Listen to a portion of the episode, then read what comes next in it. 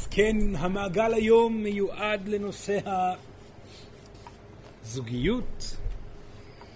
צורן החליט לקרוא לו אה, טיפול זוגי, לא בגלל שעכשיו אה, אה, אנחנו נדבר על איך מעבירים טיפול זוגי, אלא המטרה היא בסופו של דבר שהכלים שאנחנו נדבר עליהם היום, או הסיטואציה שאנחנו נעלה פה היום במעגל בתוך הזוגיות, תוכל לשמש זוגות גם בבית, שיוכלו לעשות עבודה עם הכלים האלו.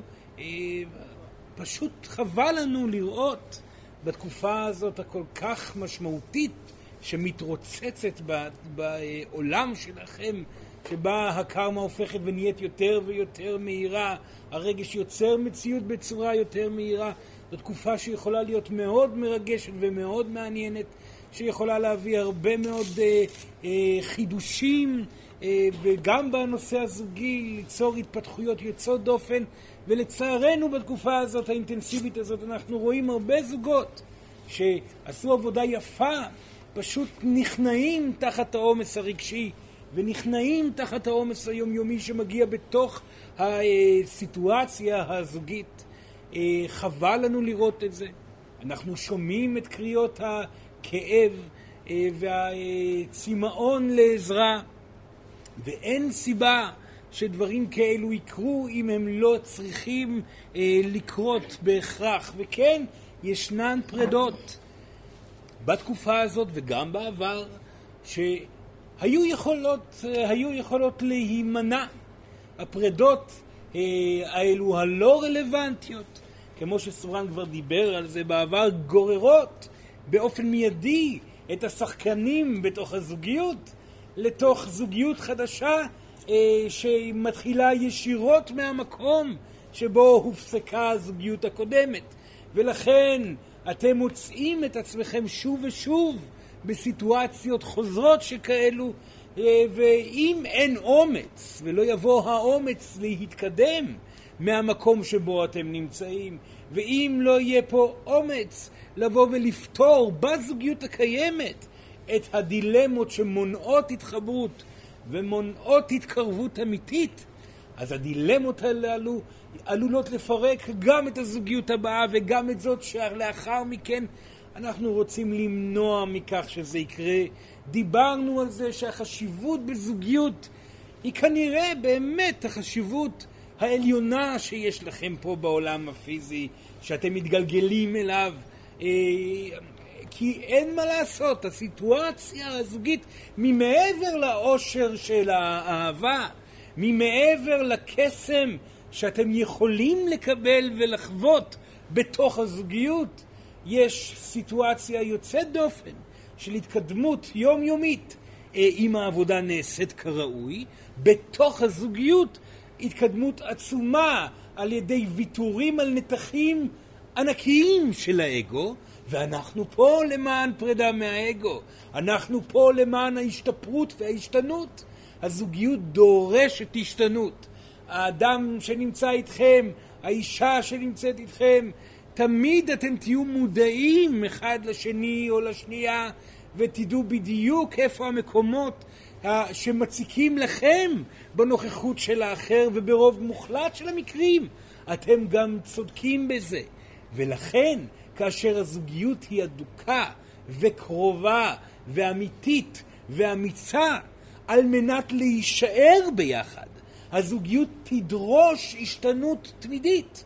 ברגע שאחד מבני הזוג יחליט שהוא מפסיק את מהלך ההשתנות והתנגד לשינויים שהוא צריך לעשות בתוך הזוגיות, הזוגיות מתחילה להתפרק. הנימים של העברת האהבה הופכים ומתפרקים בתוכה, ולאט לאט נוצרת היפרדות שמלווה בשנאה, פגיעות וכאב, וקשה מאוד ליצור התקרבות אחרי תקופה ארוכה של עמידה במקום. סורן מבקש מכם לזכור, אם אתם נמצאים בזוגיות, גם אם קשה לכם בתוכה, תמיד עדיף לנסות לפתור את הבעיה הרגשית שבה אתם נמצאים בתוך הזוגיות ואיתה אתם מתמודדים בתוך הזוגיות לפני שאתם בוחרים לברוח.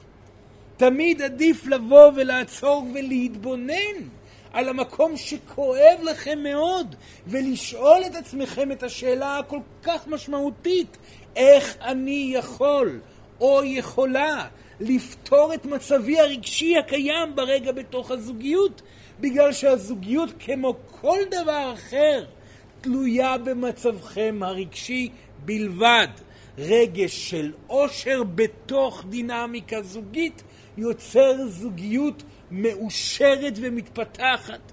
רגש של סבל יוצר באופן מיידי כאב.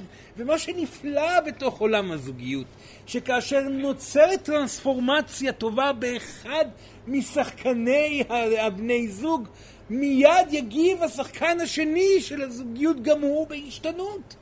לכן, היכולת שלכם לעשות שינויים עוצמתיים ולהעביר אה, ניקיון מנתחים של אגו בתוך זוגיות, להיפרד מכל מיני הרגלים שאתם לא רוצים אותם בחייכם, היכולת הזאת שלכם לבוא ובאמת להשתנות, היא תגרום לכם לא רק לאושר זוגי, אלא לעליית הרטט באופן מיידי למעלה.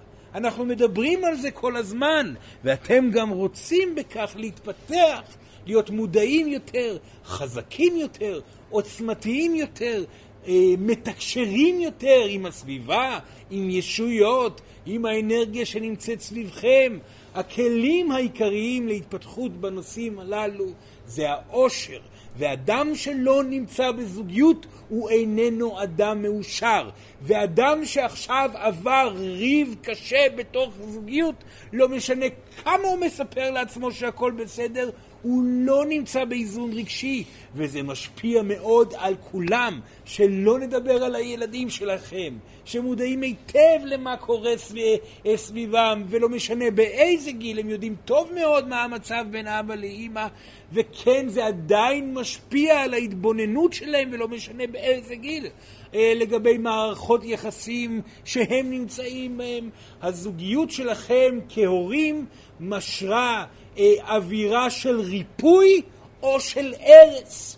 וכן, אנחנו כישויות שמאוד מעוניינות לראות את העולם הופך ומגיע למקום מדויק יותר, ענב יותר, רגשי יותר, אה, סלחני יותר, רך יותר, עגול יותר. אנחנו רוצים בזה גם כן, כי זאת המטרה המשותפת של כל הנשמות הללו, שאנחנו נמצאים, החבורה הגדולה הזאת של הנשמות הדמוי אנושיות, נקרא לזה כך.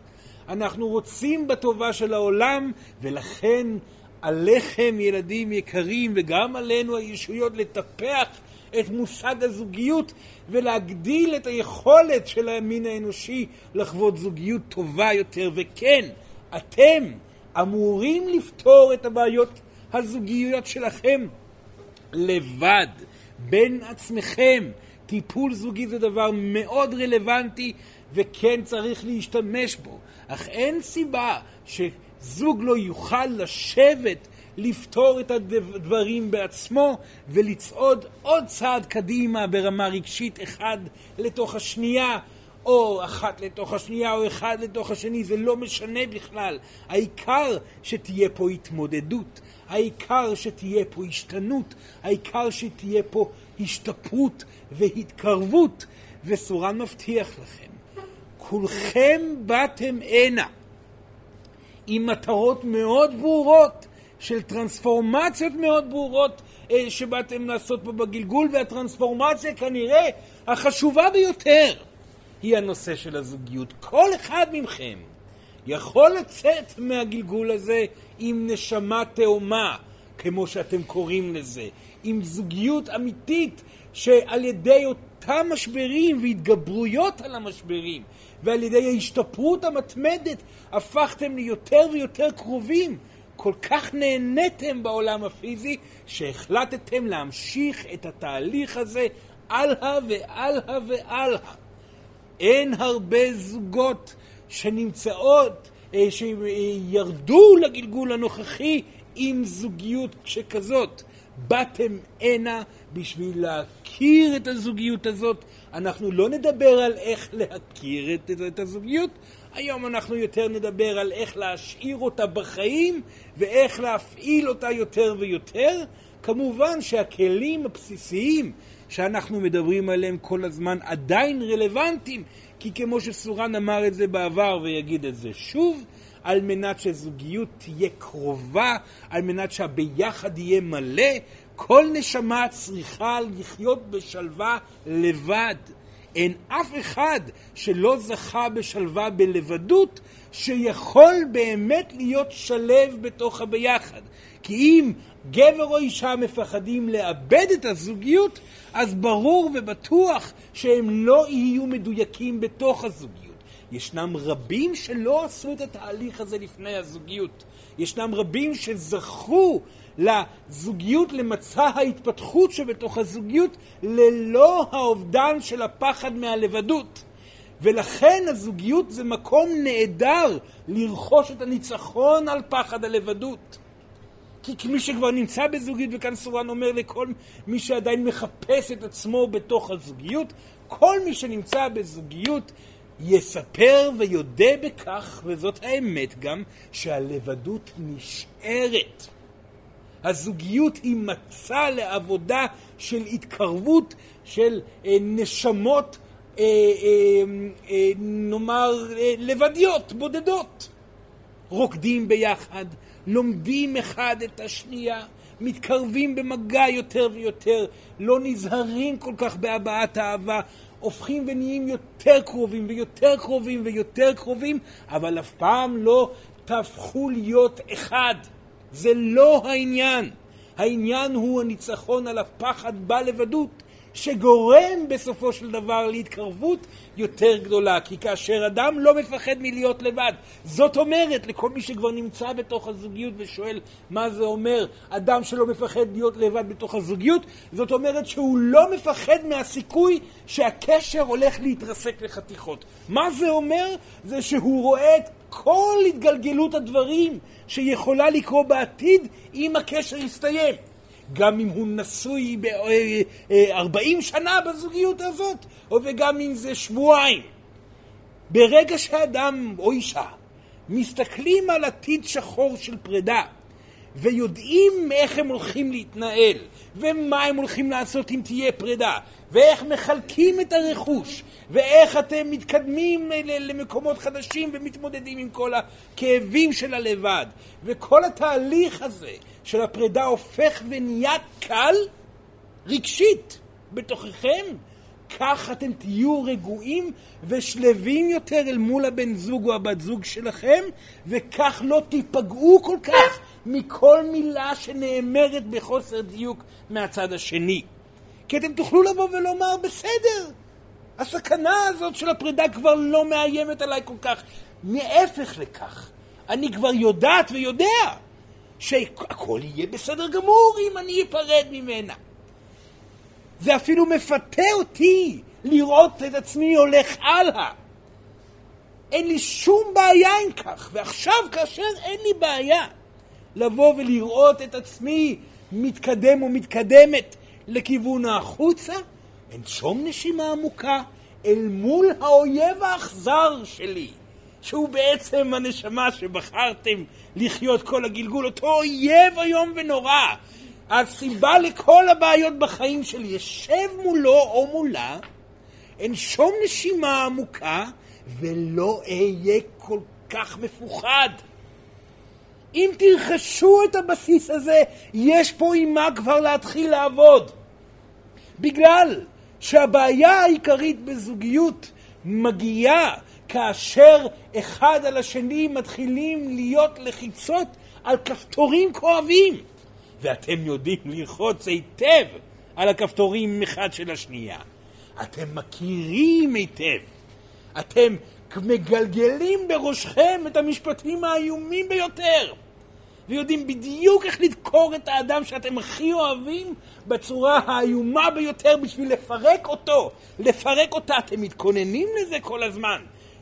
מוכנים עם הסכין מאחורי גבכם, ואז ברגע הכי קשה, שבו אתם אמורים לסתום את הפה שולפים את המילים הנוראיות ביותר. אוי ואבוי, כמה זה עצוב לנו לראות אתכם נופלים שוב ושוב בפח הזה. כמה קשה להתקרב אחרי שאתה העזת לפתוח את הפה ולומר את כל מה שתכננת להגיד כבר שבועות וזרקת את כל המידע הקשה ביותר על האישה המסכנה הזאת שאתה אמור לאהוב אותה. כמה זה נורא לראות אותך מתפרקת ומתפוצצת, ועם האינטואיציה הנשית קולטת את המערך האנרגטי של הגבר האומלל הזה והמפוחד, ודוקרת אותו במילים איומות ונוראיות. וגורמת לו שוב לאבד את עצמו, להתבלבל ולהיות גם הוא תוקפני. המלחמה הקשה ביותר לרוב נעשית אל מול האדם או האישה שאתם הכי אוהבים. וזה אבסורדי. הפסיקו עם זה. אל תניחו לאגו שלכם להרוס את הזוגיות שלכם. הוא רק פחד. המילים האלו, ההתנהגות הזאת לא תביא שום דבר.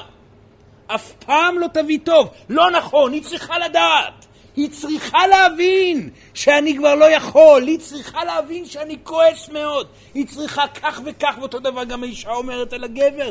נכון, הם צריכים להבין את הדברים, אבל השאלה היא איך אומרים את הדברים. מהי האנרגיה שמתבטאת תוך כדי הדיבור.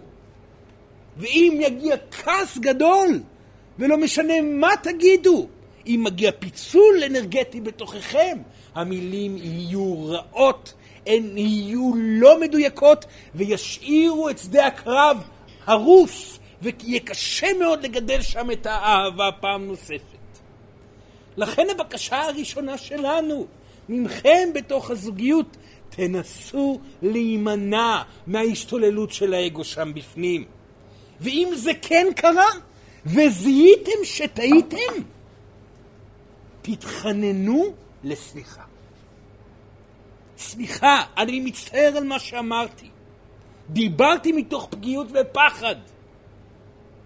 אמרתי דברים נוראים, אני לוקח את הכל בחזרה. תהיו מספיק אמיצים לעשות את המהלך הזה. תודו בטעות שלכם, אל תתכנסו עוד פעם באותו מקום, אה, באותו בונקר של קרב, כאשר הנשקים שלכם מכוונים עוד פעם לכיוון האויב האכזר.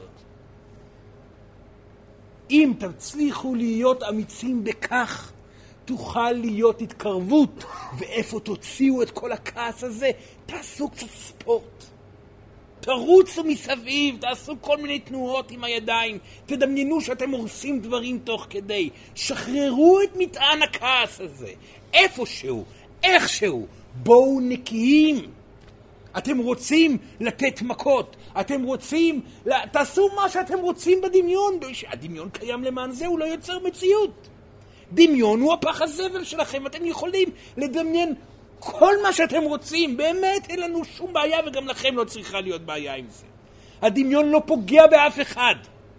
תעשו מה שאתם רוצים בתוך עולם הדמיון, ותבואו שלווים לסיטואציה, לא טעונים. תשבו ותדברו מתוך רוגע, והבינו שוב ושוב ושוב, כאשר מישהו או מישהי כועסת עליכם, בזוגיות עצמה, ברוב מוחלט מהמקרים, ממש 99% מהמקרים, יש צדק במה שהאדם השני שמולכם אומר. מה שהיא אומרת פה, אם היא מצליחה לדבר, כי זאת בעיה אחרת, נשים לא יודעות לדבר מתוך סיטואציה רגשית, שזו בעיה אחרת, אנחנו נדבר על זה בהמשך. אבל אם היא מצליחה, אם, דבר ראשון, אם היא כועסת, היא כועסת, היא כנראה צודקת. היא יודעת על מה היא כועסת, היא כועסת פה על משהו, היא לא מזהה למה, אבל היא ממש כועסת.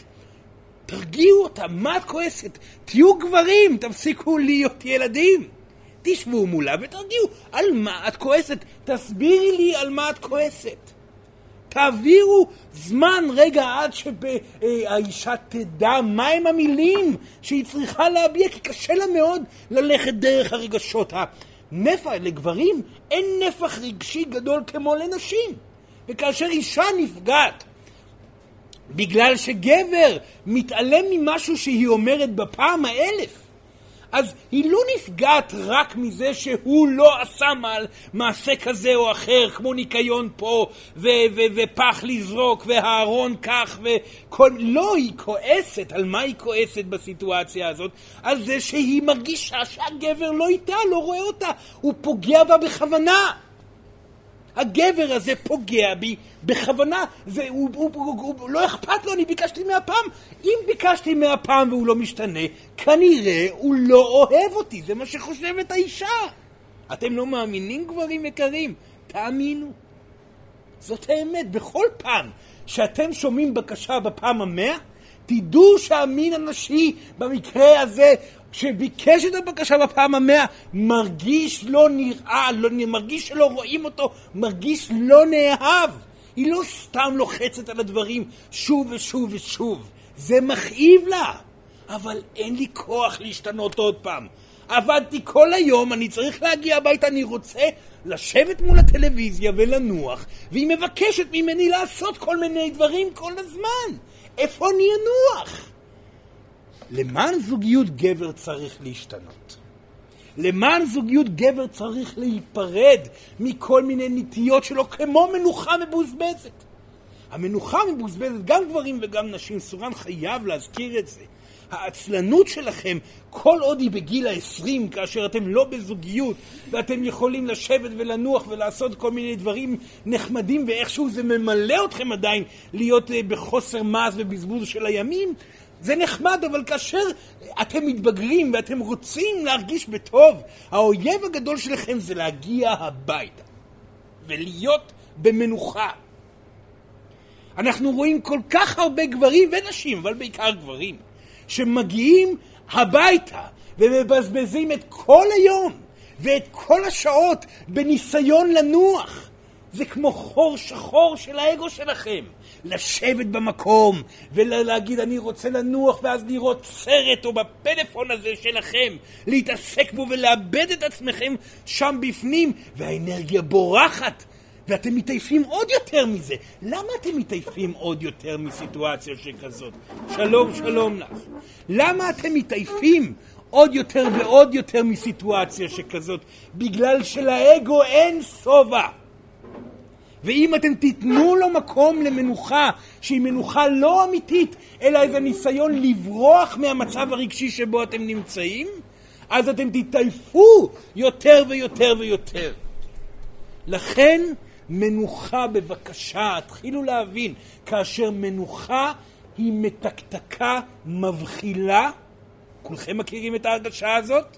כאשר מנוחה היא מתקתקה ומבחילה ולא ממלאת באמת, אתם יוצאים עייפים ממנה, תתחילו לוותר עליה. וכאשר האישה שלכם אומרת לכם, תקום, תעשה את זה, וביקשתי לעשות ככה, וביקשתי לעשות ככה, תנשמו עמוק. נכון, היא מעצבנת, זה נכון, כי היא אומרת את זה לפעמים בפקודות ובחוסר דיוק, וזה משהו שנשים צריכות להבין על עצמן. אתם, אם אתן מדברות עם הגבר, אתן צריכות למצוא את המקום הנכון לדבר. אנחנו ניגע בזה עוד מעט. נכון, אבל אם אתם תקומו ותתחילו לעשות ולא תתנגדו, כמו חיילים טובים, תתחילו לקום ולעשות ולפעול ולהניע ולהזיז את הדברים, אתם תרגישו שקט. ואתם יודעים מה? אחד הדברים היפים ביותר זה אה, שגברים אה, אה, יכולים לתקן דברים, או לבנות דברים, או לעשות כל מיני... והרבה נשים מבקשות מהגברים שלהם, תעשה ככה, תעשה ככה, תעשה כל מיני דברים כאלו. גברים שרוצים מנוחה אמיתית, באמת, אם אתם רוצים מנוחה אמיתית, לכו תבנו משהו. לכו תתקנו משהו. אין דבר יותר טוב מזה בשבילכם. היא תהיה מרוצה, אתם לא תשמעו ממנה שעה שלמה. הילדים לא יכולים לבוא כי עכשיו עושים מה שאימא אומרת. אף אחד לא יכול להפריע לכם. זכיתם במנוחה ואתם עדיין גם אפילו ביצירה. נפלא. תתקנו, תעשו כל מה שהיא אומרת, תתמסרו לזה. זאת מנוחה אמיתית, יצירתיות. המאבקים שקורים על הנושאים האלו הם פשוט אבסורדים לגמרי. אתה לא עושה, אתה לא עושה, אתה לא עושה. את רוצה ממני יותר מדי, אני עייף, אני עייף, אני עייף. כמה זוגות נפרדו בגלל האגו העייף שלכם, שאין לו שום אפשרות בכלל אה, אה, לקבל אה, כוח, כי הוא רק רוצה יותר ויותר ויותר מזה. לפעמים המצב הוא גם הפוך, אבל סורן דיבר על משהו שמגיע בהרבה מאוד מקרים בתוך הזוגיות. עליכם לזכור הסיטואציה הקבועה, וסורן אמר את זה בעבר ויגיד את זה שוב, ברוב המקרים בתוך הזוגיות יש צורך של האישה שיהיה שינוי בגבר, ויש צורך של הגבר שהאישה תאהב אותו. המעגליות של הריב היא מגיעה כאשר האישה אומרת, תשתנה כבר. אם אתה תשתנה, אני אוהב אותך. והגבר אומר, תתני לי אהבה, תדברי עליי באהבה. תכבדי אותי, תעניקי לי חום, תראי אותי כמו שאני. אל תשנאי אותי עכשיו על כך שלא עשיתי כך וכך. את זוכרת שכל השבוע לפני הייתי מדויק פה ומדויק שם, עשיתי את זה ואת זה, ובגלל טעות אחת קטנה, את שוכחת את כל העבודה שעשיתי כל השבוע, שבועיים האחרונים? את לא אוהבת אותי בכלל, תאהבי אותי, ואז אני אקום ואעשה כל מה שאת רוצה. זאת היא הבקשה הקבועה שרצה במעגליות בתוך הזוגיות. אז למה לא להיענות לבקשה? מה הסיבה שאתם לא מחליטים את ההחלטה? אני הולכת לאהוב אותך ולראות את הטוב שבך. אלוהים שבשמיים, מה הבקשה פה? שהגבר מבקש, תראי את הטוב שבי. את זוכרת למה את אוהבת אותי? למה אהבת אותי פעם? למה אהבת אותי לפני יומיים? כי הייתי נחמד, והייתי רך, והייתי קשוב, ועשיתי את הדברים, ופעלתי, ואני יודע לבוא ולהכיל יותר, ולא לי, לי כל מיני דבר, דברים שהם טובים. תזכרי אותי עכשיו. אז אישה יקרה, תזכרי את הגבר שלך. כל פעם שאת רואה את הגבר שלך, אל תתבונני על כל המחסור שבו. תסתכלי על למה את אוהבת אותו, או למה אהבת אותו גם פעם. זה טוב להיזכר בלמה אהבתם. אתם לא אמורים להחליט אם אתם אוהבים או לא אוהבים מתוך הסיטואציה שהאישה עכשיו איבדה את האיזון. או הגבר עכשיו הגיע למצב שהוא אה, אה, אה, עוד פעם עייף ולא נוכח. לא, תסתכלי עליו מתוך איך שאת יודעת שהוא באמת. ואתה תסתכל עליה גם כן באותה צורה.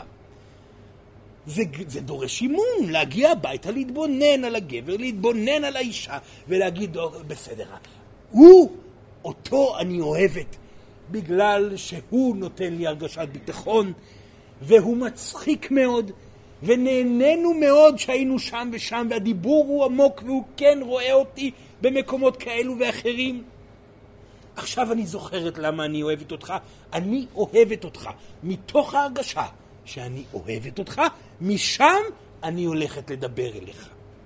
ואם אני מרגישה שאני אוהבת אותך, ואני עדיין רואה, מרגישה צורך לבקש דברים, אז סורן מבטיח.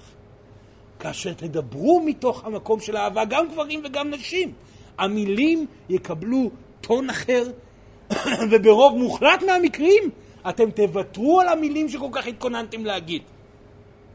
כי הרבה פעמים לא צריך בכלל לדבר אותם. שאחד מהצדדים של הזוגיות בא, אוהב, זוכר את כל הסיבות ללמה אוהבים ולא את כל הסיבות ללמה אתם שונאים, ופותר את הסיטואציה באהבה אמיתית, ברוב מוחלט של המקרים הצד השני גם הוא מתרכך. לכן אם יש כאן בני זוג שהגיעו ללא הבני זוג שלהם או הבת זוג שלהם, אתם יכולים להשתמש בכלים האלה גם בצד אחד. אתם ביחד בגלל שישנה דינמיקה אנרגטית.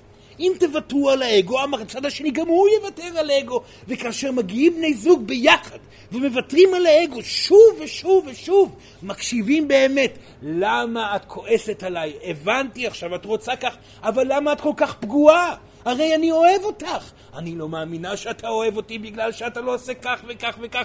אז סורן דיבר קודם על אנשים. שכאשר אתם כגברים לא מקשיבים ולא משתנים למענן, הם מרגישות שאתם לא אוהבים אותן, אז גברים, גם הם, בסופו של דבר, וכאן יש משהו חשוב מאוד להגיד לנשים היקרות, כשגבר לא מצליח להשתנות, ולא מצליח להיות יותר כמו שאתן יודעות שאתן רוצות שאותו גבר יהיה, זה לא בגלל שהוא לא אוהב אתכן, זה בגלל שהוא נמצא במה שאנחנו קוראים לו חרדה גברית. מה זה חרדה גברית? זה מצב שבו מבקשים מגבר לעשות משהו, אך הוא לא מצליח לשמוע את זה, כי הוא עסוק בחישובים, תכנונים, בהתעסקויות כלפי העתיד, ומה הוא יעשה כאן, ואסטרטגיות לשיפור מצב הכלכלי, ואיך פותרים את זה, ואיך... המחשבה הגברית היא מחשבה שאפשר לומר שהיא עוטפת את הראש של הגבר אה, בניתוק מלא מהסביבה כאשר הוא נמצא בה. וזאת אמת, זה לא תירוץ. שגבר אומר, רגע, אבל, אבל אני שכחתי לעשות את הדבר הזה, זה לא בגלל שהוא לא אוהב, או בגלל שלא אכפת לו ממך. זה בגלל שהוא כרגע מפוחד וחרד. גבר שלא אוהב, לא לא מקשיב לאישה ולא עושה מה שהיא מבקשת. גבר שלא אוהב ולא נמצא שם כבר במקום של אהבה, הוא כנראה הגיע למצב של פחד כל כך גדול וריחוק כל כך גדול, שהוא פשוט מנותק ואי אפשר בכלל לדבר איתו. כמובן שאם ישנה סיטואציה זוגית שבה לא נוצרת התחברות מילולית בכלל, ויש כאן ניסיון של רק צד אחד ליצור אה, אה, חום ואהבה ודיבור, צריך לנסות ולהמשיך לנסות. אך אם הצד השני רק הולך ומתרחק, מתישהו תבוא פרידה, והיא תבוא באופן טבעי ופשוט, זאת הבטחה. לכן קודם כל תשבו, תירגעו. אתם שונאים אחד את השנייה, הכל בסדר, זה רגש. תבטאו אותו לבד, הוא ישתחרר. האהבה תחזור פעם נוספת, מותר לכם לשנוא. אם אתם שונאים עכשיו זה לא אומר שתשנאו מחר, וזאת הבעיה הגדולה בפרדות uh, בזק שכאלו. מדברים מתוך שנאה, אחרי יומיים אומרים אוי לא מה עשיתי, ואז מגיע האגו ואומר לא, הפעם אני צודק. הפעם אני הולך על זה עד הסוף. אני לא מוכן לקבל את הטעות שלי. ואז הפרידה הופכת ונהיית רחוקה. תעצרו רגע. השנאה קרתה, לא נורא. תביעו אותה קצת. תנשמו עמוק, אתם תגלו התקרבות פעם נוספת, אהבה תבוא שוב, ותנסו להזכיר לעצמכם למה אתם אוהבים. תדברו מתוך אהבה ותקשיבו למה את פגועה. למה אני פגוע? למה אני מרגישה כך וכך וכך, ולמה אני מרגיש כך וכך וכך. דיבור של אמת, שיחה אמיתית, ותזכרו, אין דרך ליצור שיחה שכזאת בצורה איכותית וטובה אם אתם מפחדים מהפרידה. אם אתם מפחדים מלהיות לבד, זה נושא שעליכם לפתור בתוך הזוגיות באותה חשיבות כמו שצריך לפתור מחוץ לזוגיות על מנת לזכות בזוגיות. לכן, תתעכבו על זה, ואל תגיעו למצב שאתם ציניים כלפי הקשר בגלל שקל לכם רגשית ללכת החוצה. אם אתם ציניים או פתאום מרגישים שאתם טובים יותר מה, מהדמות השנייה בקשר, זה אומר שאתם עדיין מפחדים מלבד. מי שלא מפחד מלבד יבוא ברכות ובהשלמה אל עבר האחר. אל תספרו לעצמכם סיפורים שכאלו. השלווה שאתם מבקשים, בסופו של דבר, תיפטר מעבודה פנימית, מהבנה של שינויים, ואין דבר יותר טוב מזוגיות בשביל לעשות את זה. וסורן מבטיח, אם התהליך יהיה קבוע, ותמיד יבוא פיצוץ, אל תחשבו שזוגיות תגיע למצב של רוך קבוע, זה חייב לבוא עם פיצוצים. כי רק אחרי התלקחויות כאלו והתפרקויות כאלו ישנה את האפשרות להתקרב באמת יותר פעם נוספת ולהבין שוב מה השינויים שצריך הפעם לעשות ושיפור מגיע בגלים גדולים כלפי הילדים, כלפי הקריירה, כלפי ההתבוננות בעולם והחוויה שלה ביחד הופכת ומתעצמת ואז אין שום סיבה לעזוב אחד את השנייה לנצח נצחים. וזאתי העבודה שבזוגיות. לראות את הטוב שמגיע אחרי הרע, ותוך כדי הרע להיזכר בטוב שהיה עד כה, ולהשתנות, להשתנות, להשתנות אחד למען השנייה, אחת למען השני, זה כל הזמן לעשות את השינויים האלו ולהתקרב. גם אם לא בא לכם לגעת, לגעת. אתם רוצים להתרחק? תתקרבו. אתם רוצים לקלל? תנשמו עמוק. תראו את הטוב שבאחר. תגידו דבר של טוב, של קרבה, ותעשו עוד צעד פנימה ועוד צעד פנימה. סורן מבטיח והכל מניסיון אישי, כמו שאתם אומרים. הדבר הזה, ההתקרבות, המסע הזוגי הזה, זה דבר אינסופי שהופך ומשתפר ככל שהזמן עובר. אז הטיפול הזוגי צריך לקרות בבית. פעם בשבוע לשבת ולברר מה קורה כאן באמת. לא להתרגש מהרגשות שלכם, לא לפרוץ בטעויות של אגו אשר שורפות את כל המצע של העבודה הזוגית. ליצור השתנות והתקרבות, הקשבה וקבלה, ולהבין שאם יש כאן טענה שגורמת לכאב אצל האחר או האחרת, הם צודקים. הם תמיד צודקים. זאת הסיבה שהם איתכם, כי הם צודקים לגביכם. ואם הם לא צודקים, ברגע שאין צדק, אז פרידה תבוא באופן טבעי. אך כל עוד אתם נפגעים מהבן זוג או הבת זוג שלכם, זה אומר שאתם במקום טוב. כי ברגע שאתם נפגעים, זה אומר שאתם אוהבים. כאשר בני זוג כבר לא רואים אחד את השנייה בכלל, כמו שאתם אומרים, לא רואים ממטר, ולא יכולים ליצור התקרבות, וכל מה שמעניין אותם זה הבחוץ, שם תבוא פרידה בסופו של דבר. הפגיעות כואבת לכם, אפשר להיכנס פנימה. יש פה אהבה שניתן להחיות. לכן, עליכם להתעקש ולהחיות אותה שוב ושוב עד שההרמוניה תחזור ויהיה כיף ונפלא לשבוע, שבועיים, חודש, חודשיים, תלוי בזוג עצמו, וזה יבוא פעם נוספת עם התפוצצות פעם נוספת, ושם יצטרך לקרות אותו דבר, וכך ההתרחבות, הגדילה וההתקדמות תמשיך לנצח נצחים. מצוין! זה הזמן לשאלות. אפשר מים? תודה רבה לך. לשאול שאלות, לא לפחד. הנושא הזה חשוב מאין כמוהו. כן. כן, להרים את היד בבקשה מי שרוצה. כן, ילדה.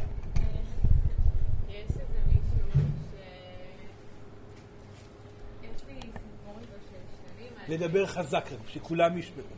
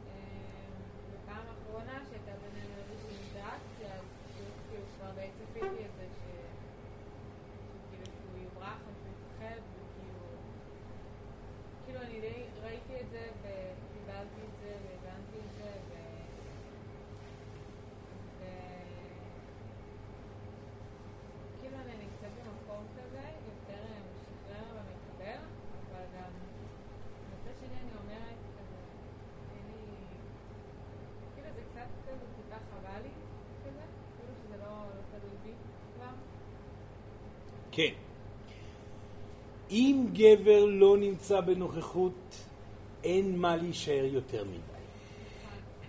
אז צריכים להיות חזקים ולבחור בלבדות עם כל הכאב שבלבדות, ולהבין שרק אחרי שהלבדות תהיה גן עדן, גם שם עדיף שתבוא הזוגיות.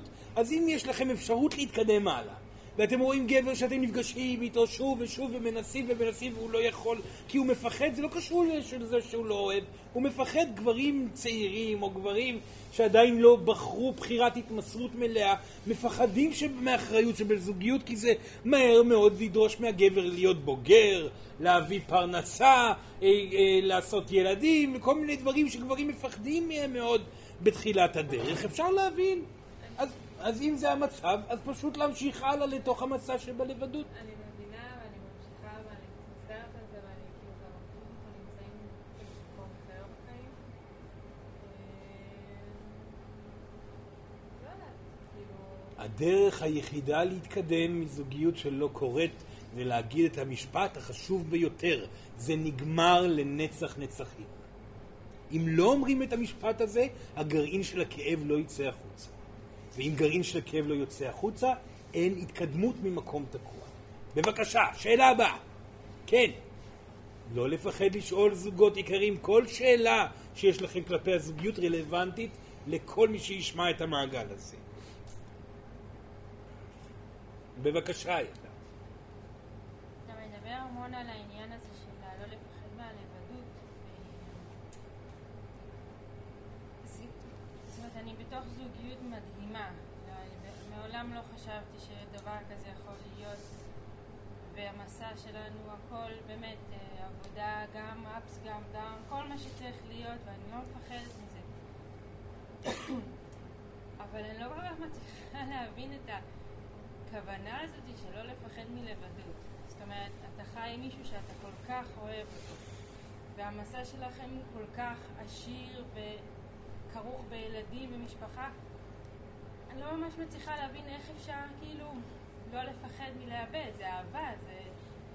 אני, לא... זאת אומרת, אני מנסה להבין אם זה עוד לב שצריך להגיע אליו, או שאני לא מבינה אותך נכון.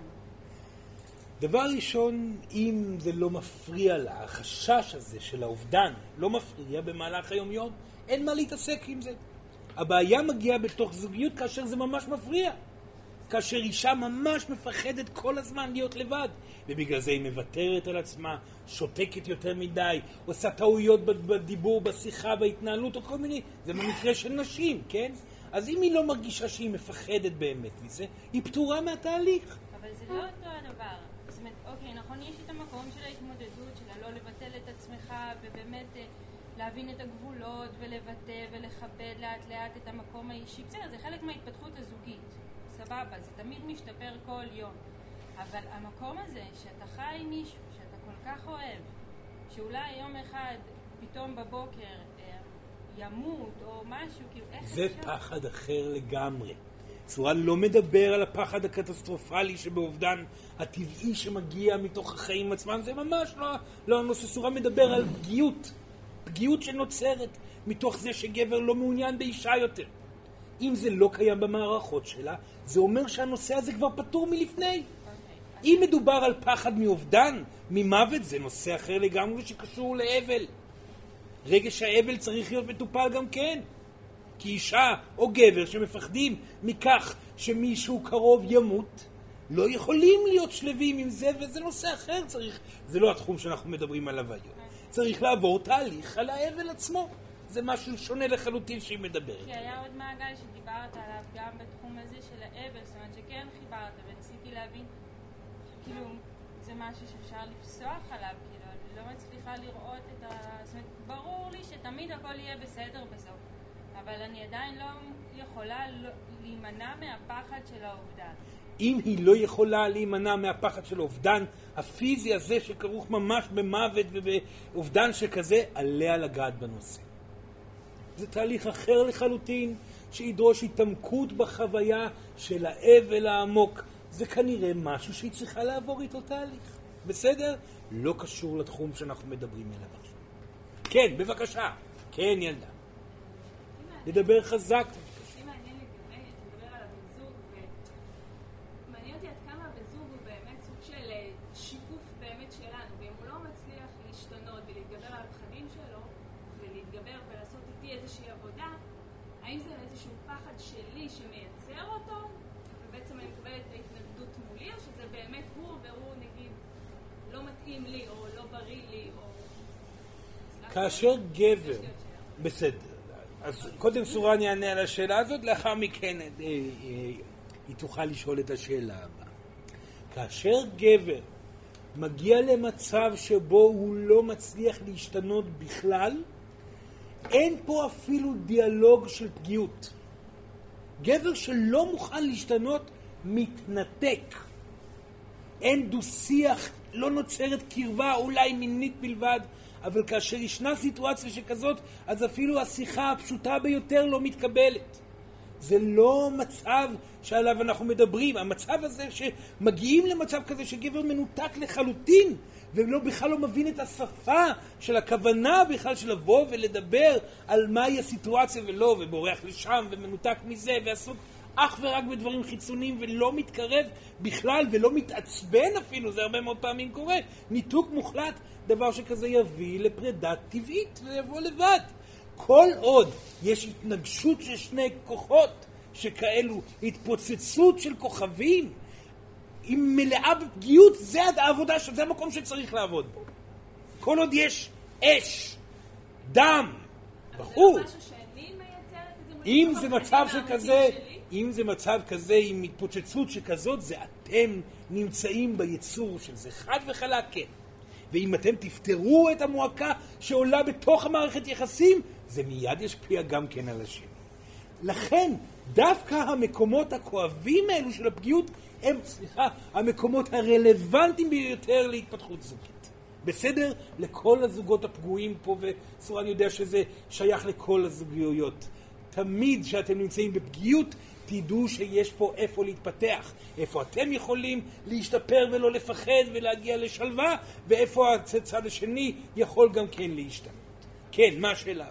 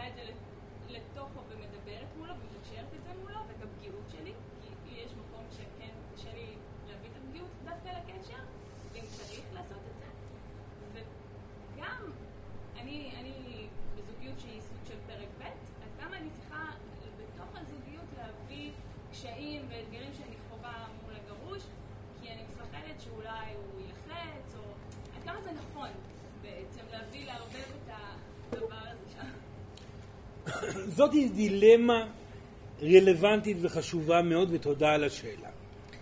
דבר ראשון, כל גבר היה רוצה להיות גברי מספיק בשביל להכיל כל נפח רגשי שהאישה שאיתו.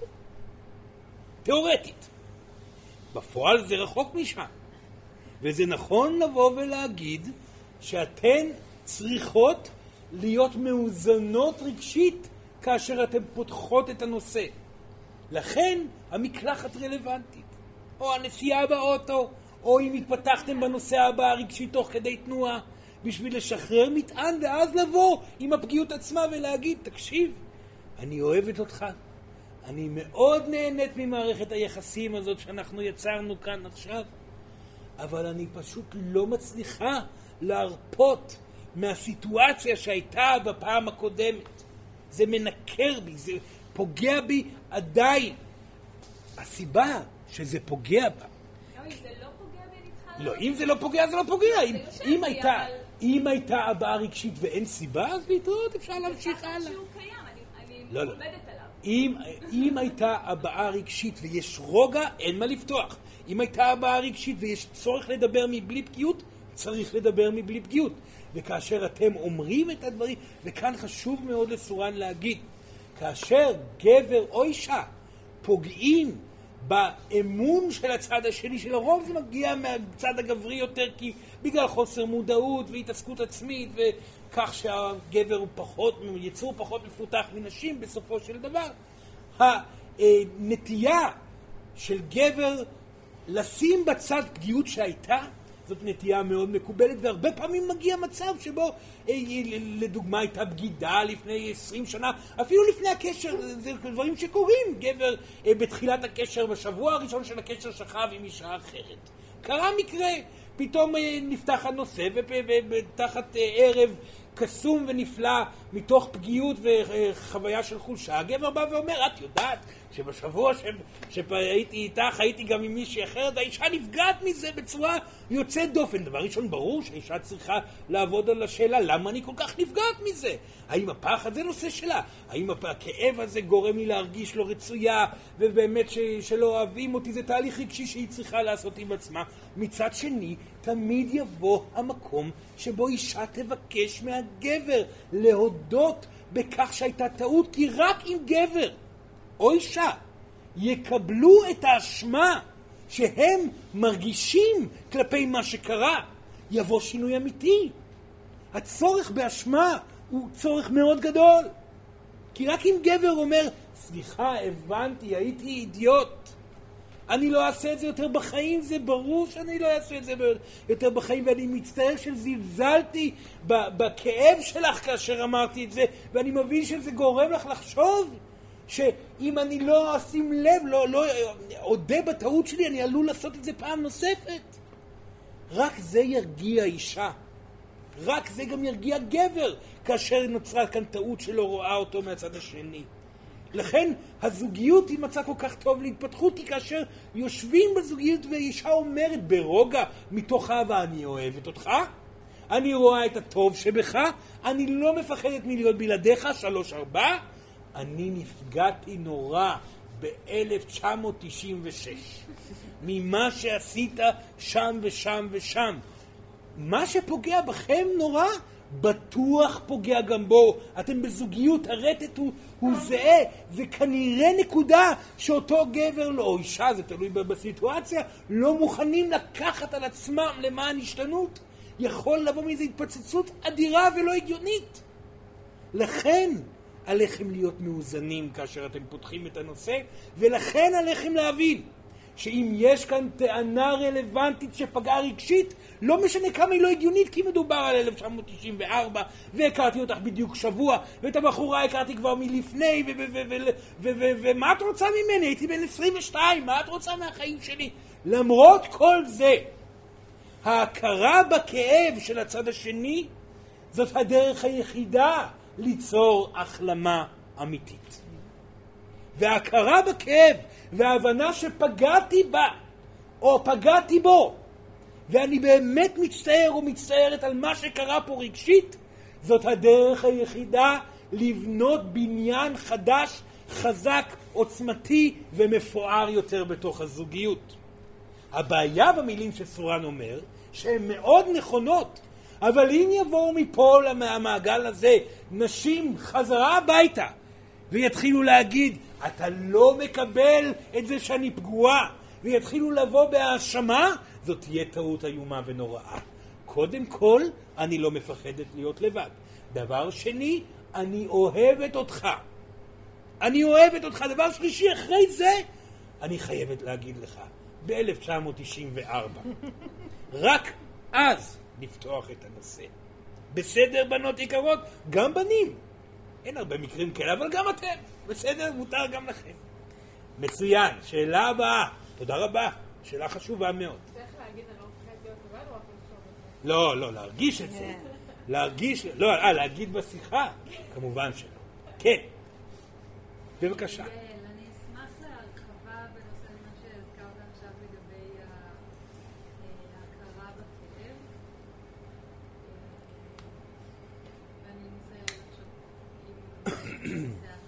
הרחבה בנושא ההכרה בכאב.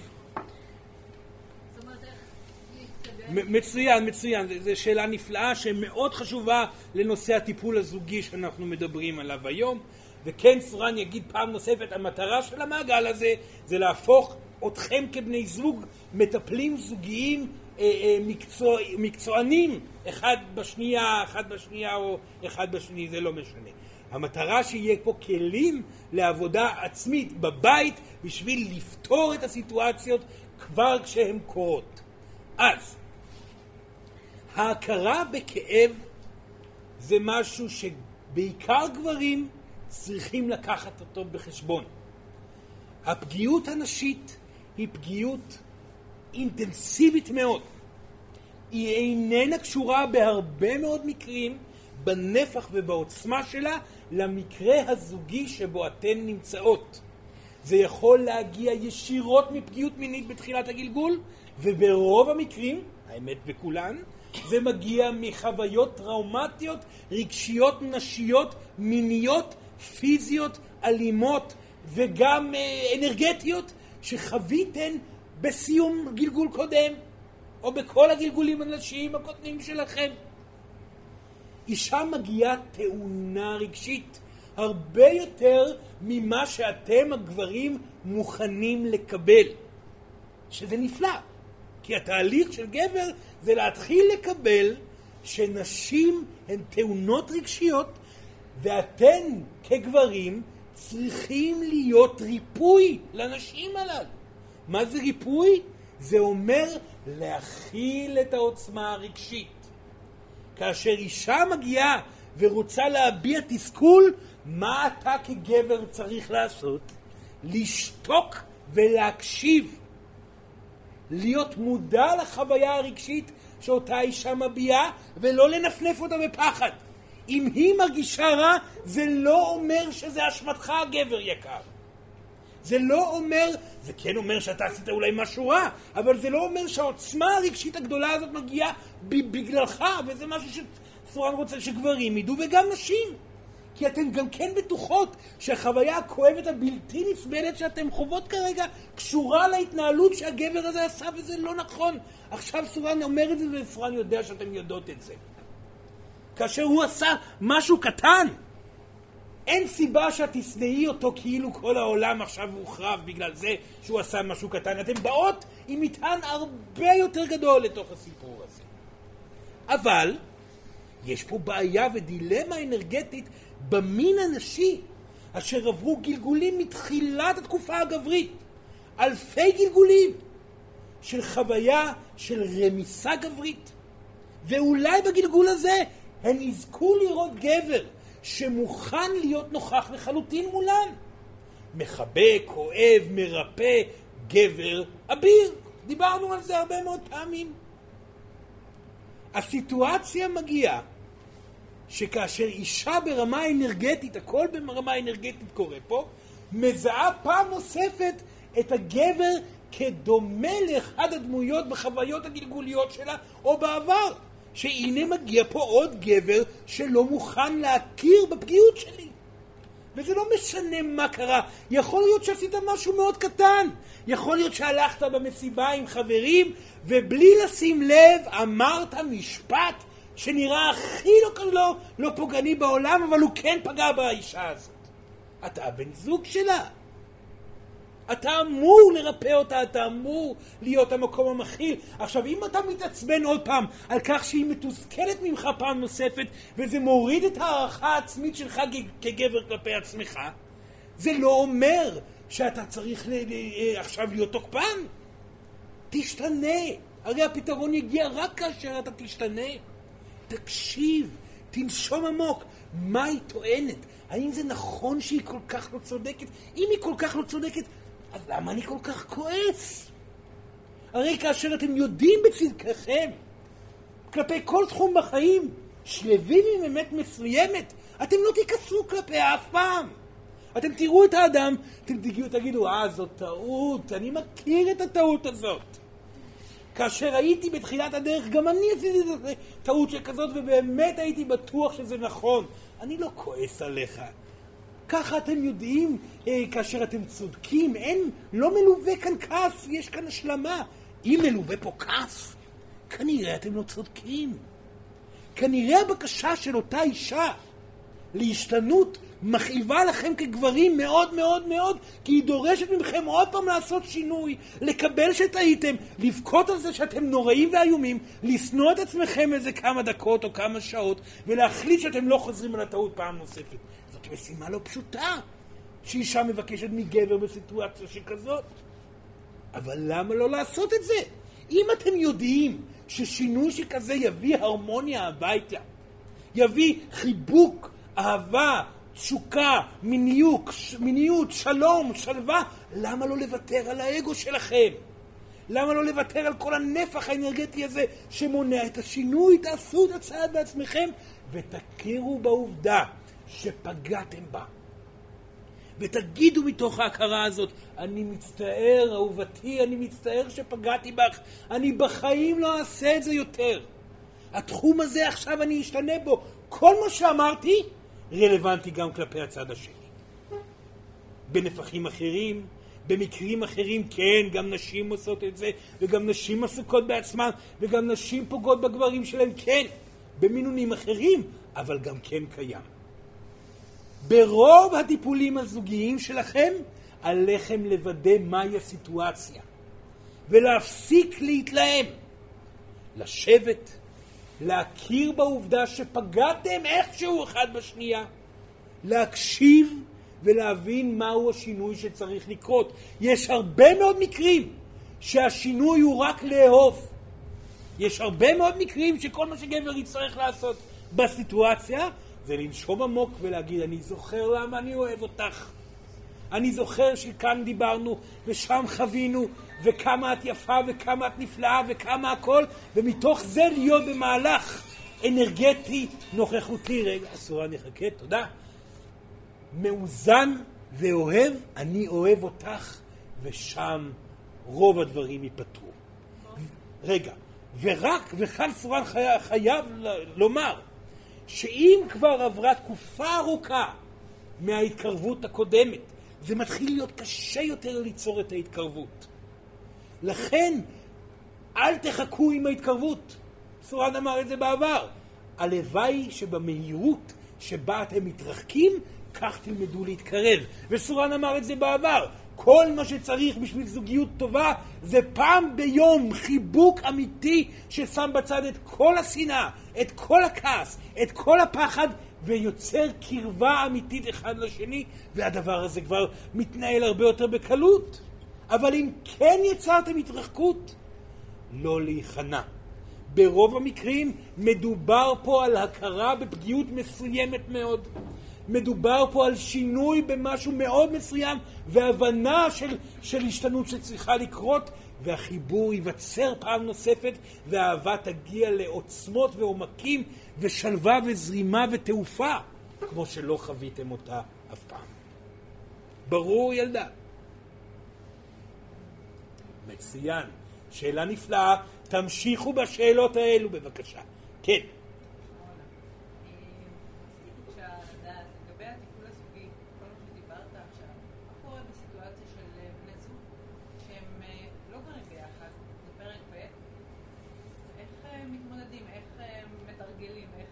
לפעמים זה אפילו יותר קל.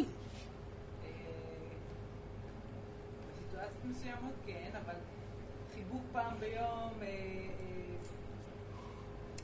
גם חיבוק פעם ביומיים, או חיבוק פעם בשלושה הוא טוב.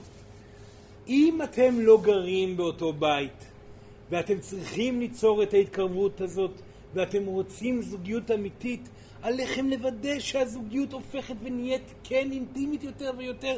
ברוב מוחלט מהמקרים, בסופו של דבר, על מנת שזוגיות תמשיך לנצח, המעבר לגור באותו מרובע של בית הוא מאוד רלוונטי להתפתחות הזאת.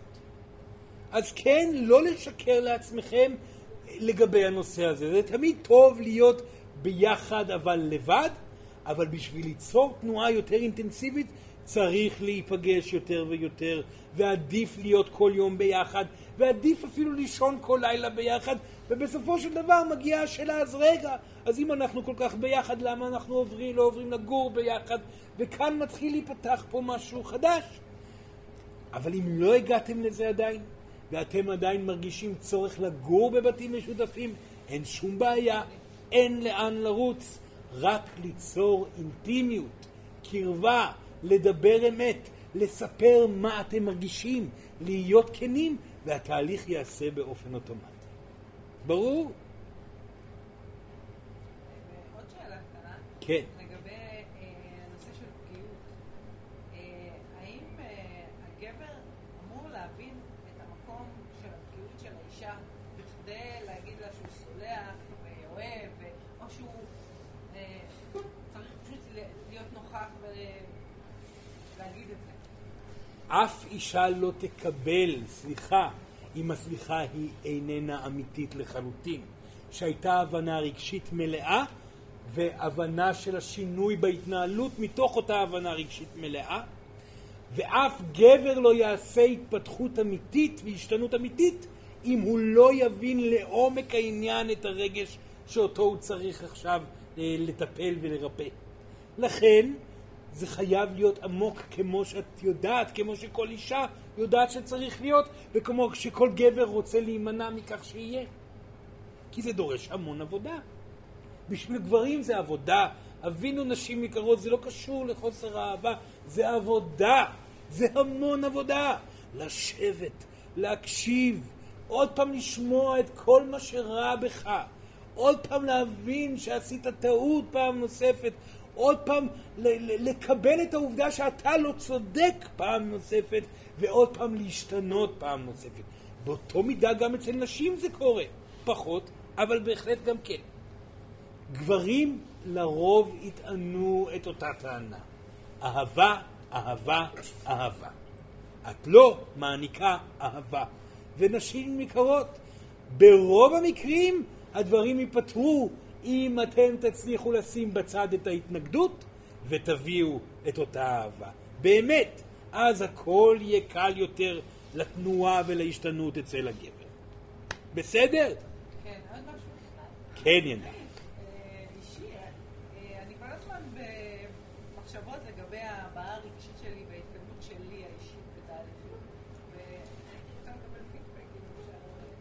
לגבי ההבעה הרגשית שלה, כן. היא מתקדמת, הולכת ומתקדמת. זה מה שסורן יכולה. כן, היא מרגישה יותר טוב, נכון? אז זה אומר שהיא מתקדמת. זה מאוד פשוט לזהות אם אתם נמצאים בתהליך נכון. אתם מרגישים יותר טוב, אתם בתהליך נכון, זה הכל. מאוד פשוט בחיים האלו לדעת איפה אתם נמצאים. אתם סובלים, הרבה מאוד זמן אתם תקועים. אין ללכת, אין דבר כזה ללכת אחורה, יש להיתקע במקום או להתקדם קדימה. אחורה לא תוכלו. אז תקועים, רע לכם, אתם תקועים במקום. אתם משתנים, המצב משתפר, אתם בתהליך נכון. טוב ילדה. בבקשה, כן.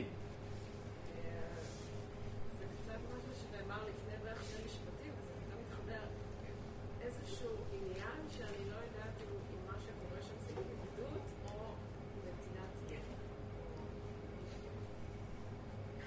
מה השאלה ילדה? וזה קצת מורכב. שתנסה לשאול את השאלה, הכל בסדר.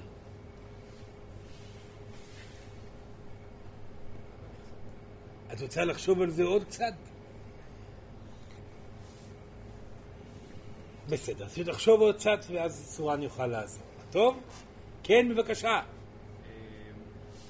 טוב, יש לי ויכוח עם חברים שטוענים שהמונוגמיה מתה ופוליאמורה זה הדרך הנכונה להתפתחות ואנחנו לא צריכים רק לאהוב בן אדם אחד ואני מרגיש בתוכי שזה לא נכון, אבל מעניין אותי לשמוע מה יש לך לומר. מה, סורן דיבר על זה המון, צריך לדבר על זה.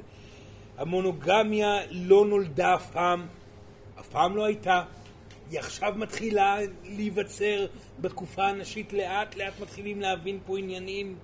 אה, פוליאמוריה, ככה קראת פוליאמור? פוליאמוריה. פול... אה? פוליאמוריה. פולי... עוד פעם? פוליאמוריה. פוליאמוריה. פוליאמוריה זה תירוץ נחמד ל- ל- לחוסר אה, לקיחת אחריות. זה שם יפה לחוסר לקיחת אחריות. אה, בסופו של דבר נשים יודעות את זה וכל אישה תבין את זה בסופו של דבר. אה, כאשר גבר נמצא באחריות מלאה ואוהבת, מה שנקרא בזוגיות מלאה עם מספר נשים, הוא בעצם אוהב מבלי לקחת אחריות. מאוד קל לבוא ולהיות אוזן קשבת.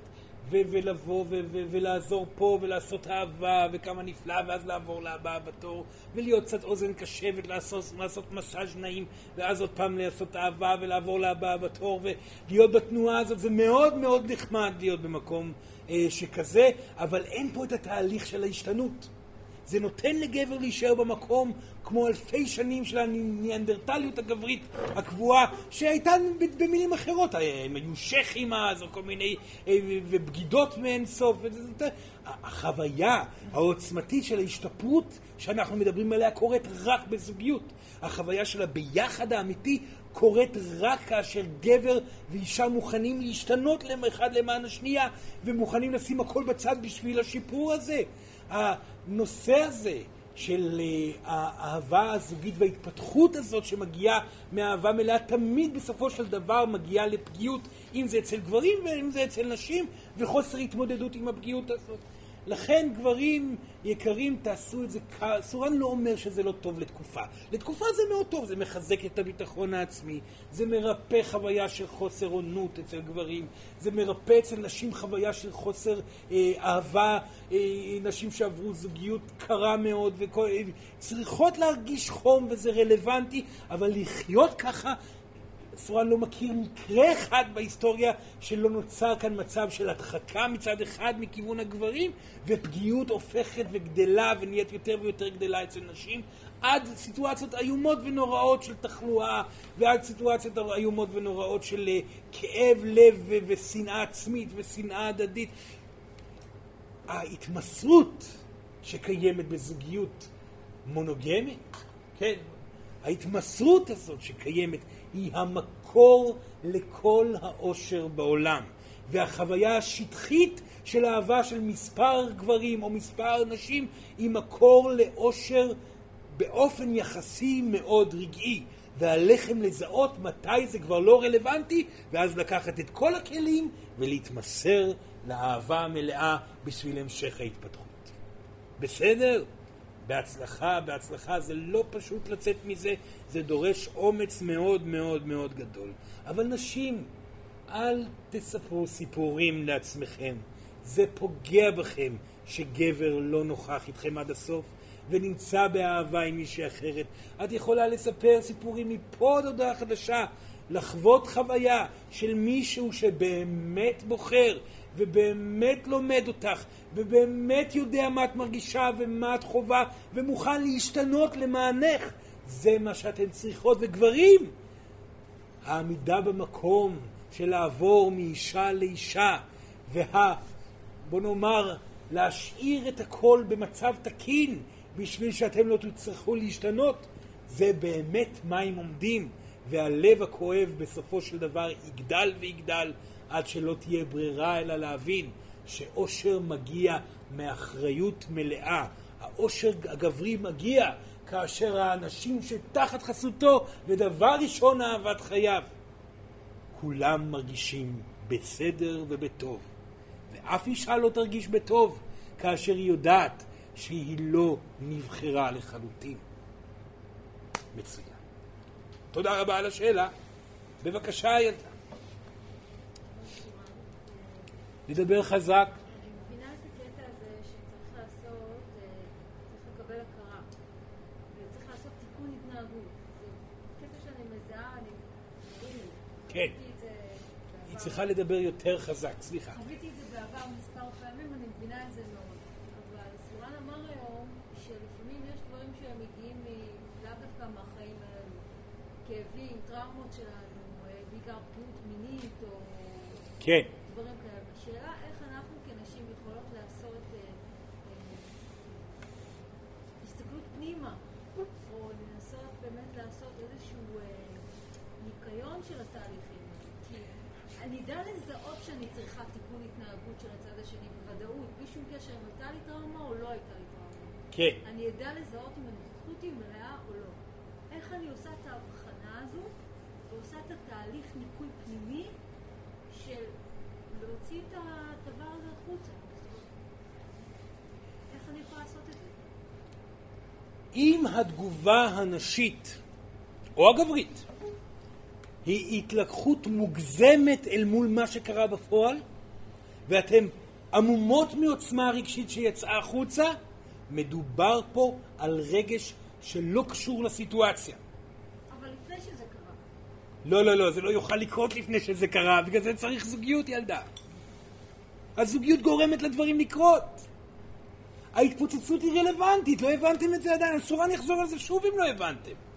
אנחנו רוצים אתכם מתפוצצים. כי כאשר ישנה התפוצצות רגשית, אז אתם יודעים שיש מקום לעבוד עליו. זה נכון שאתם לא אמורים להתפוצץ אחד על השנייה, ואתם לא אמורים להרוס את השטח לחלוטין, אבל הרגש צריך להתפוצץ. כאשר נוצרת התפוצצות, יש פה על מה לעבוד. ורק אם יש בן זוג מספיק לא מודע בשביל לגרום להתפוצצות הזאת, אפשר להגיד, וואו, הוא בסך הכל לא הזיז את הכיסא כמו שאני רציתי, ואני השתגעתי פה לגמרי. זה אומר שיש פה רגש מאוד מאוד חזק אצלי. אז דבר ראשון אני לא אגיב אליו ככה, אני אסביר לו פעם נוספת שכאשר הוא אה, גורר את הכיסא על הרצפה, זה כואב באוזניים ומפריע לחשוב. כן, אני אסביר את זה, אבל הרגש פה הוא שונה, יש פה משהו מאוד עוצמתי. זה לא כל כך משנה מה הסיפור. בגלל זה אנחנו לא מתעכבים על גלגולים קודמים. הרגש יכול להיות מובע ללא הבנה מה הסיבה אליו. וזה רלוונטי להביע אותו מבלי אפילו ידיעה מהו אותו רגש. כואב לכם? אתם במצוקה? תנו לעצמכם לבכות. מול הגבר, זה עדיף מאשר לצעוק, תבכו, תבכו, תבכו, תבכו, אוי, זה יעשה טוב. לבכות, אתה לא צריך לדעת, אני בוכה, זה לא קשור אליך. הזזת את הכיסא, אבל בא לי לבכות, תבכו, תבכו. אני מצטער, אני בחיים לא אזיז יותר את הכיסא על הרצפה. הוא יבין את זה רק מתוך החוויה, הנה, תגובה רגשית אמיתית, אתן מתנקות, והוא משתנה. ואין פה תוקפנות, ואין פה כעס, ואין פה כלום. בסדר? אין מה לטחון את הראש, כמו שאתם אומרים, לגבי מהו המקור לחוויה הרגשית העוצמתית. אפשר להביע את הרגש מבלי זה, מבלי לדעת, ואז לבוא נקיים ומדויקים יותר ויותר. בסדר ילדה? שאלה נפלאה, תודה רבה. כן, כן, עוד מעט נגיע לכאן. כן. מה קורה לכלבים לאחר מותם? בדיוק מה שקורה לאנשים, בדיוק מה שקורה לגחליליות, בדיוק מה שקורה לינשופים, בדיוק מה שקורה לכל גוף עם נשמה. אין שום הבדל בין תא של אה, אה, אה, חיידק הכי קטן בעולם לבין פטריה איפשהו, לבין הרכב עכשיו שסיים את התהליך ו- ו- ועשה תאונה ו- והפסיק את העבודה שלו ומתפרק לחתיכות פעם נוספת. כל גוף פיזי ואנרגטי שהוא אחד ויוצר תנועה אישית ורטט משלו, הוא בחיים. כאשר הוא מסיים את החיים, הוא ממשיך הלאה לגלגל של החיים והמוות. וכן, הכלבים שלכם, אתם תראו אותם עוד פעם. בסדר? כן, הם מתגלגלים כמובן, מה הם רק באו למענכם, לטיול קטן איתכם, ואנחנו חוזרים לשרת אתכם בהם. יש להם את התהליך שלהם, כמו כל נשמה בעולם, באינסוף הזה. כולם נמצאים בהתפתחות, ואף אחד לא בא לשרת רק אתכם, גם לא הכלבים שלכם.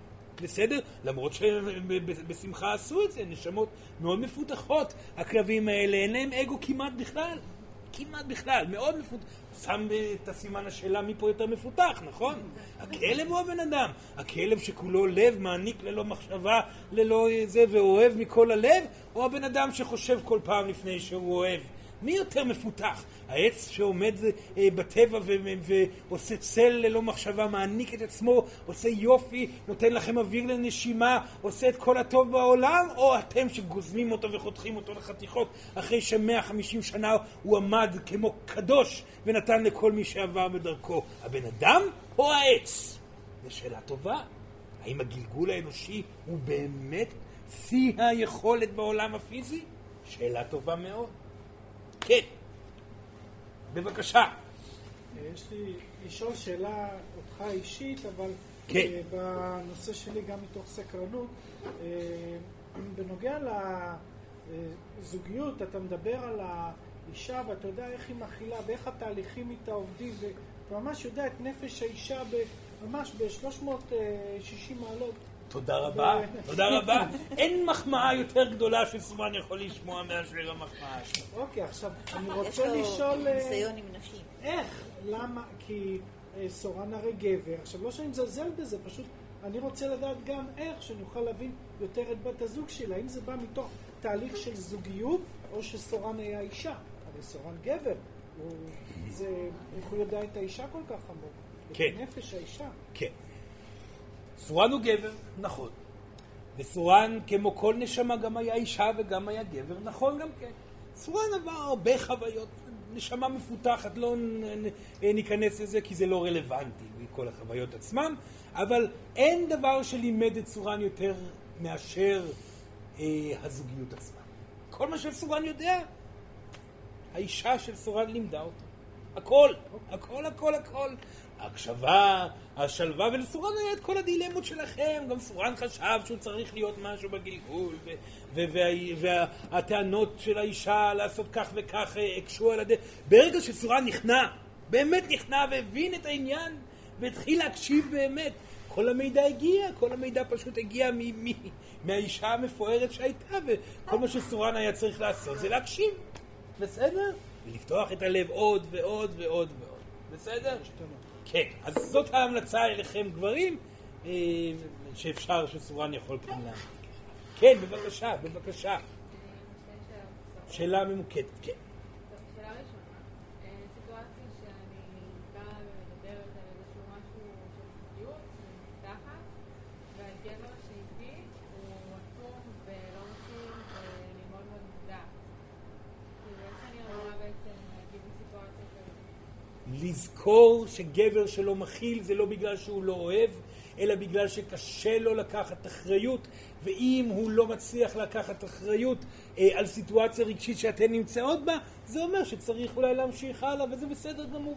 טוב? אוקיי, ושאלה שנייה. כן. אה, אני כבר הרבה זמן בזוגיות, ואני מרגישה שעברתי הרבה מאוד תהליכים עם עצמי, ואני די שלמה עם לבד, והייתי רוצה לחלוק אותה עם עוד מישהו ולבן את זה, אני לא יודעת כאילו... לא יודעת. מה עושים עכשיו? מכירים גברים חדשים, נפרדים מכאלה שעדיין מפנטזים ומקווים, ופשוט יוצאים למסע נואש של היכרויות, יוצאים להרפתקה איומה ונוראה של פגיעויות וחוויה של התעלות מ- אה, והתקדמות מכל שלב ש, של פגישה שנוצרת. זה התהליך בסופו של דבר, שגורם בסופו של דבר גם לאהבה להגיע. טוב? כן. זאת, אלו הן השאלות האחרונות. בבקשה, כן, כן. אה, יש לי חסימה אנרגטית שמונעת ממני לתת את האהבה שאני רוצה לתת למשפחה, לאישה שלי. וזה קשה, אני מאוד רוצה, אבל זה לא מצליח. דבר ראשון זה מצוין, ברגע שגבר אומר את המשפט הזה ומודה בכך שיש לו בעיה פה, אז כל כך הרבה קורה. כי האישה נרגעת והכל פתאום ברור ומסודר ו- ויש הכרה אה, אה, בכך. וכן, יש חסימות אנרגטיות לגברים, כי גברים הם, הם, הם מפחדים מאוד, מאוד מפחדים. כל חסימה אנרגטית היא פחד. יש פה פחד.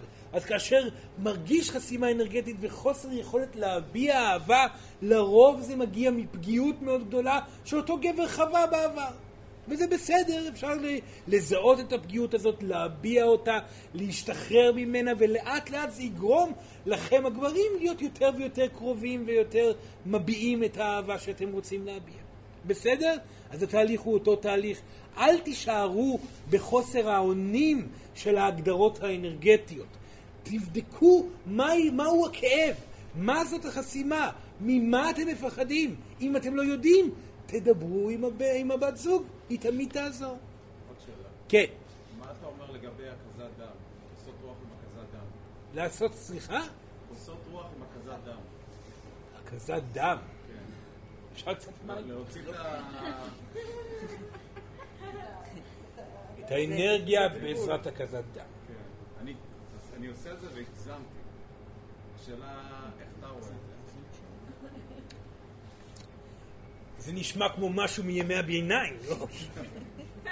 אז אה, אה, אפשר, אם אתם, אין ספק שבגוף הפיזי אתם נוחצים, יש אנרגיה, אבל זה קצת בצורה לא יעילה כל כך להקיז את הדם. אה, אין, זה יכול להוציא קצת דם, האנרגיה תשתחרר אבל תחזור מאותו מקור לא פתור. אז לא, סורן לא יכול להמליץ על דרך הפעולה הזאת יותר מדי. בסדר? ועדיף לא להגזים אם זה דם הוא מצרך חשוב בסופו של דבר. טוב? זה גם יוצר טראומה, עדיף לא, לא להגזים עם זה. או אולי לא לעשות את זה בכלל. טוב? כן, בבקשה. כן, ילדה, כן.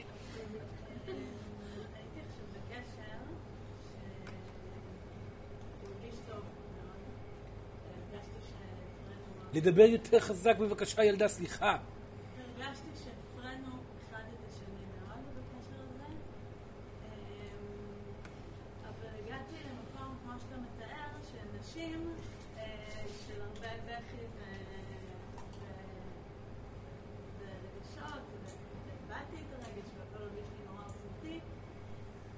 אמ, הוא נבהל. אני לא יודעת אם זה מתוך בעלה, הוא טען שזה מזכיר לו את האישה שלו. אמ, ונפרדנו. כן. הוא מרגיש לי טעות איומה, הפרידה. כן. אמ. מאוד הייתה רוצה מה? מאוד הייתי רוצה לעבוד על זה. לעבוד על הקשר. כן. השאלה אם לשחרר, ללמוד מהטעויות ולהמשיך הלאה, כן. או כן? כן. אז לא, לא, לא, לא...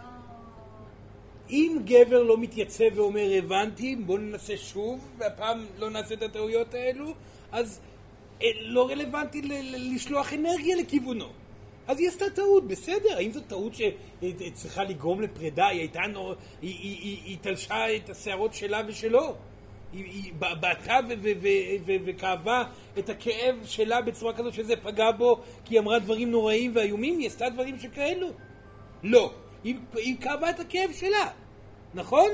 והוא לא הצליח להכיל את זה. נשמע סיבה טובה להמשיך הלאה, ילדה יקרה. טוב? זה לא שהיא היא כן צריכה ללמוד לא להביע את כל הכאב בבת אחת, אפשר, אפשר במינונים. אז אם זה היה אה, אינטנסיבי, יכול להיות שהיא יכולה להשתפר בתחום הזה. אבל, אבל גבר שעוזב את אשתו בגלל שהיא כואבת, מתפקדת, נכון? מתפקדת? אה, מה זה מתפקד? בזמן הכאב, אחרי הכאב הלכה לעבוד, הצליחה לחיות את החיים? יום אחרי, כן. יום אחרי? יום אחרי היא הצליחה לתפקד? כן. ועדיין עזב. עדיין, עדיין החליט שלא, רק בגלל הבת. אם היא הייתה נכנסת לדיכאון, כאב איום ונורא, חוסר אונים, חוסר יכולת, תפקוד צורה, יכול להתחיל להבין למה גבר צריך לקום ול... יכול אולי איכשהו להתחיל להבין, למרות שזה גם- זה טיפשי, כי היא כואבת. תעזור, זה יעבור, זה סך הכל רגש, זה עובר. אבל בוא נגיד והיה ככה אפשר להבין. הבעה רגשית של ערב אחד, בוא נברח מפה לחלוטין, זה אומר שיש כאן פחד הרבה יותר גדול מהבעה הרגשית הזאת. זה אומר שכנראה הבעה הרגשית הזאת גורמת לרגשות אצל אותו אדם גם. לחוות, ואם הוא לא יודע לחוות רגשות, עדיין נראה שמי שהיא רגישה צריכה גבר שלפחות יודע לחוות רגשות. בסדר? ואם גבר לא יכול להכיל את הכאב, הוא גם לא יוכל להכיל, להכיל את האהבה. בסדר? להמשיך הלאה. באופן כללי להמשיך הלאה עם משהו לא מתקדם. שאלה אחרונה. בבקשה, לכולם יש כאילו, אנחנו- לא היה לי, לא הצלחתי בקשר אחד, שניים, שלושה, תמיד יהיה ככה מישהו בסוף? כן. כן, כן, כן. לכל נשמה בעולם, עם תהליך מלא ונכון, יזכו בזוגיות שלהם. לא הגעתם לשם, תמשיכו, תמשיכו, תמשיכו. וגם אם לא תזכו בזוגיות, זה אומר והגעתם בגיל 95 למצב שהתקדמתם אין ספור צעדים, בגלגול הבא שתחזרו, אתם תהיו קרובים לזוגיות הזאת מאי פעם. לכן ההתקדמות היא, המקום של ההתקדמות בתחום הזוגי או התחום הרגשי הוא כאן בקרקע. לאחר הגלגול הזה נהנים מהפירות. העבודה נמצאת פה. לכן לא להיכנע, המשיכו בתהליך. קחו את המילים שנאמרו פה בבקשה ותעבדו עבודה כל יום. כל יום, אל תרשו לעצמכם עוד פעם לברוח מהעבודה הזאת. חבל, חבל, במיוחד אם אתם פגועים אחד מהשנייה, זה אומר שיש פה אהבה, זה אומר שאפשר לגדול עוד יותר. הפגיעות היא סממן לכך שיש רגש נפלא של אהבה ממתחת, רק צריך לעשות את העבודה הנכונה. לשבת במקום בבקשה, צפופים, ולעצום עיניים. תודה רבה.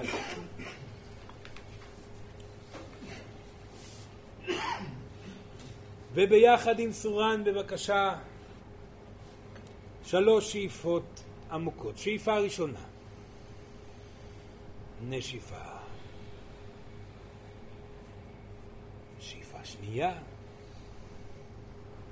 נשיפה. שאיפה שלישית,